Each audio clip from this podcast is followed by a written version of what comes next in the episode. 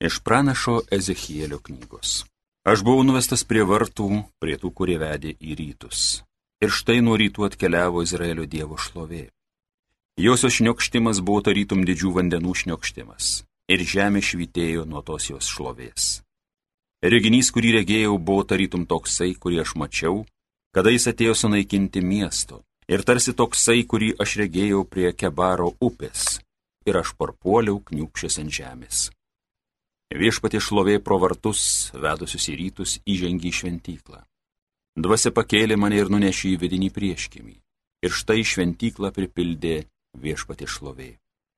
Tada išgirdau iš šventyklos man kalbant, tuo tarpu šalia mane stovėjo vyriškis.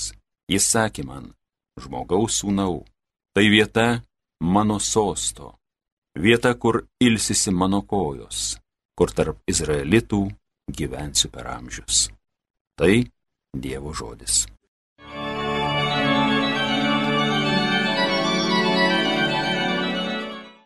Dievo garbė sugrįž į mūsų šalį. Noriu išgirsti, ką viešpats Dievas byloja. Jis kelbė ramybę savo žmonėms, savo bičiuliams.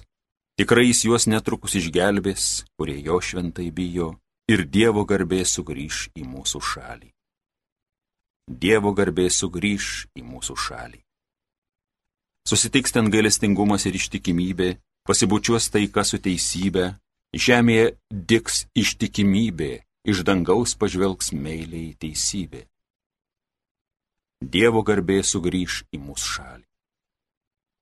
Visokių gerybių duos viešpats, derlinga bus mūsų žemė, teisybė jo akivaizdoj vaikščios ir josios pėdoms seks Dievo palaima.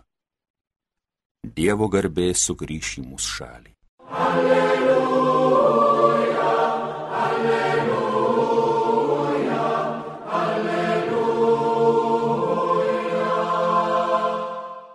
Ir jūsų vienintelis mokytojas yra Kristus. Alleluja, alleluja, alleluja. Viešpat su jumis, pasiklausykite Šventojios Evangelijos pagal matą. Anuomet Jėzus kreipėsi į minę ir į savo mokinius. Į Mozės krasę atsisėdo rašto aiškintojai ir fariziejai, todėl Visa, ką jie liepia, darykite ir laikykitės, tačiau nesielkite, kaip jie elgesi, nes jie kalba, bet nedaro, jie riša sunkes nepakeliamas naštas ir krauna žmonėms ant pečių, o patys nenori jų nie pirštų pajudinti. Jie viską daro, kad būtų žmonių matomi. Jie pasiplatina maldos diržus ir pasididina apsiaustus purgus. Jie mėgsta pirmasias vietas pokiliuose bei pirmuosius krėslus sinagogose, mėgsta sveikinimus aikštėse ir trokšta, kad žmonės vadintų jos rabi. O jūs nesivadinkite rabi, nes turite vienintelį mokytoją, o jūs visi esate broliai. Ir ne vieno iš savųjų nevadinkite tėvų, nes turite vienintelį tėvą danguje. Taip pat nesivadinkite mokytojais, nes jūsų vienintelis mokytojas yra Kristus. Kas iš jūsų didesnis, tebūnie jums tarnas, nes kas save aukština bus pažemintas, o kas save žemina bus išaukštintas. Girdėjote viešpatie žodį.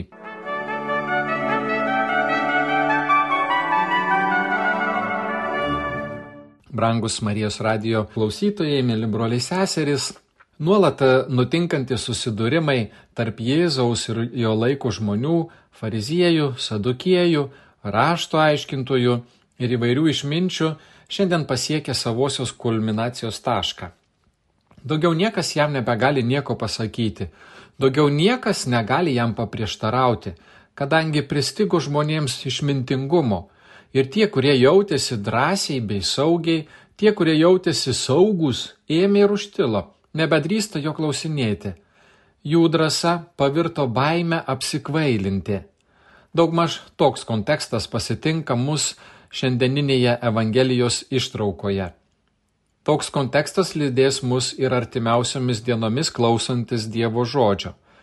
Ir tai mums skamba kaip priminimas, kad mes vengtume fariziejų ir sadukėjų požiūrio bei elgsenos. Žinoma, taip lengva yra klausantis šios ištraukos tiesiogiai pritaikyti Jėzaus žodžius adresuojamus savo laikmečio sadukėjams ir fariziejams, tų religinių krypčių atstovams. Ir taip sunku juos pabandyti pritaikyti savo patiems.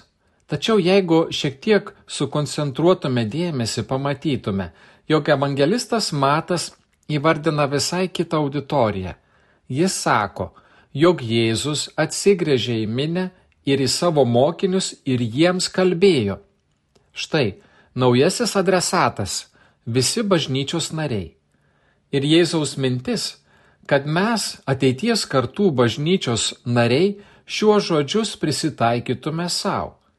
Jėzus nori, kad mes apmastydami jo mokymą prisitaikytume jį savo kad permastytume santykius su savomis bendruomenėmis, šeimomis ir kad gebėtume pamatyti ir įvardinti savo trūkumus, tuos, apie kuriuos šiandieną kalba Jėzus.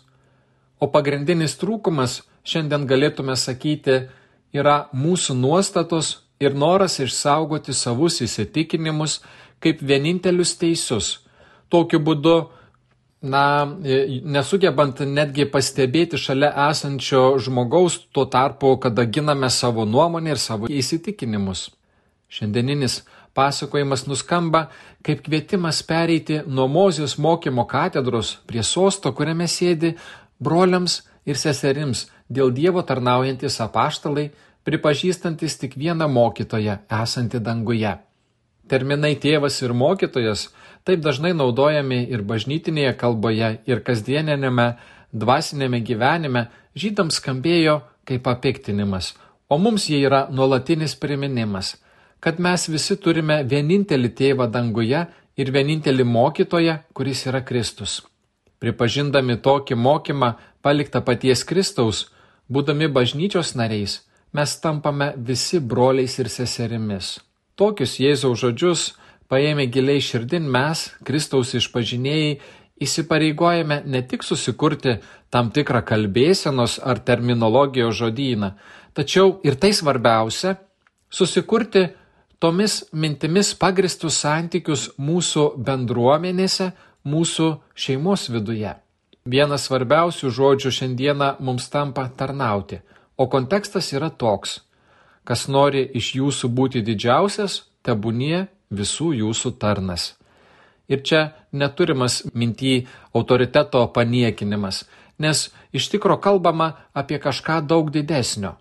Kalbama apie tai, kad tikrasis autoritetas atsiskleidžia tarnaujant kitiems. Bendruomenė, kuris augo, švenčia, perteikia Dievo atnešto išganimo mintį, prasideda ir yra kiekviename jos naryje. Ši žinia pakelia virš noro teisti, smerkti, su jėga brukti ir auklėti, nes kas save aukština bus pažemintas ir kas save žemina bus išaukštintas. Kas turi ausis, te klauso. Amen. Garbė Jėzui Kristui.